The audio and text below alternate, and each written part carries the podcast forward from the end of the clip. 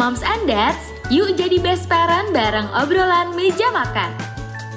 Dengerin podcast obrolan meja makan yang membahas parenting dan isu yang cocok untuk pasangan.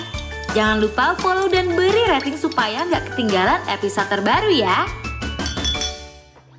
Halo Moms and Dads, selamat datang di siniar obrolan meja makan. Kembali lagi di segmen Dunia Parenting bersama dengan aku Aloy. Di episode ini kita akan mengetahui pendapat psikolog mengenai apakah jam belajar pagi efektif untuk anak. Nah, untuk tahu jawabannya, sebelumnya Moms and Dads jangan lupa untuk follow dan beri rating terbaiknya untuk podcast obrolan meja makan di Spotify ya. Nyalakan juga notifikasinya supaya Moms and Dads bisa terinfo setiap ada episode terbaru yang tayang setiap Senin dan Kamis. Belum lama belakangan ini, pemerintah Provinsi Nusa Tenggara Timur memberlakukan kebijakan jam masuk sekolah menjadi jam 5.30 waktu Indonesia Tengah. Mungkin moms and dads masih bertanya-tanya, apakah jam belajar anak yang dimulai pada pagi hari itu efektif? Nah, jangan khawatir, karena psikolog Seni Septiani Sanusi Sarjana Psikologi akan membantu menjelaskan efektif atau enggaknya jam belajar pagi bagi anak. Pada dasarnya, setiap orang termasuk anak memiliki hak akan waktunya masing-masing. Tubuh memiliki hak untuk beristirahat, bersosialisasi, tapi juga memang ada waktunya di mana lebih banyak otak akan digunakan untuk belajar.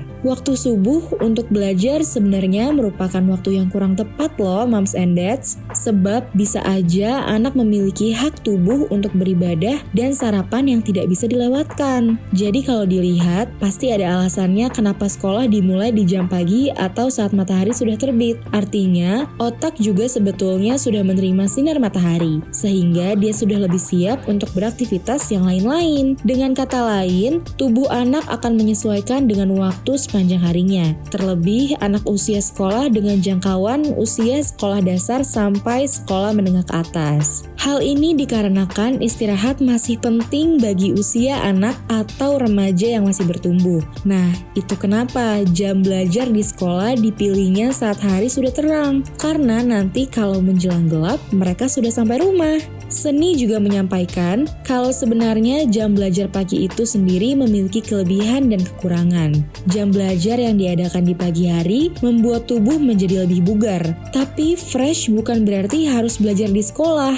Ada beberapa anak yang mungkin lebih suka mengerjakan PR saat subuh, tapi itu di rumah. Suasananya tetap berbeda dengan sekolah. Tetapi ada perbedaan kalau misalnya waktu sekolah terlalu pagi. Nah, kekurangan dari jam belajar pagi salah satunya adalah adaptasi atau kebiasaan sehari-hari. Anak-anak harus beradaptasi dengan waktu makan pagi mereka. Bukan hanya itu, orang tua dan tenaga pengajar juga harus menyiapkannya untuk keluarga. Terlebih, penerapan jam sekolah pagi bisa aja berefek domino pada hubungan keluarga nantinya. Itu dia moms and dads, jam belajar pagi bagi anak akan lebih efektif apabila sinar matahari sudah muncul. Dengan begitu, si kecil akan lebih bersemangat untuk belajar dan melakukan aktivitas lainnya. Nah, sekian episode Dunia Parenting kali ini. Tungguin pendapat dari pakar lainnya ya. Jangan lupa juga follow Instagram kami di @nakitaid dan @medio by KG Media. Sampai jumpa di episode berikutnya, Moms and Dads.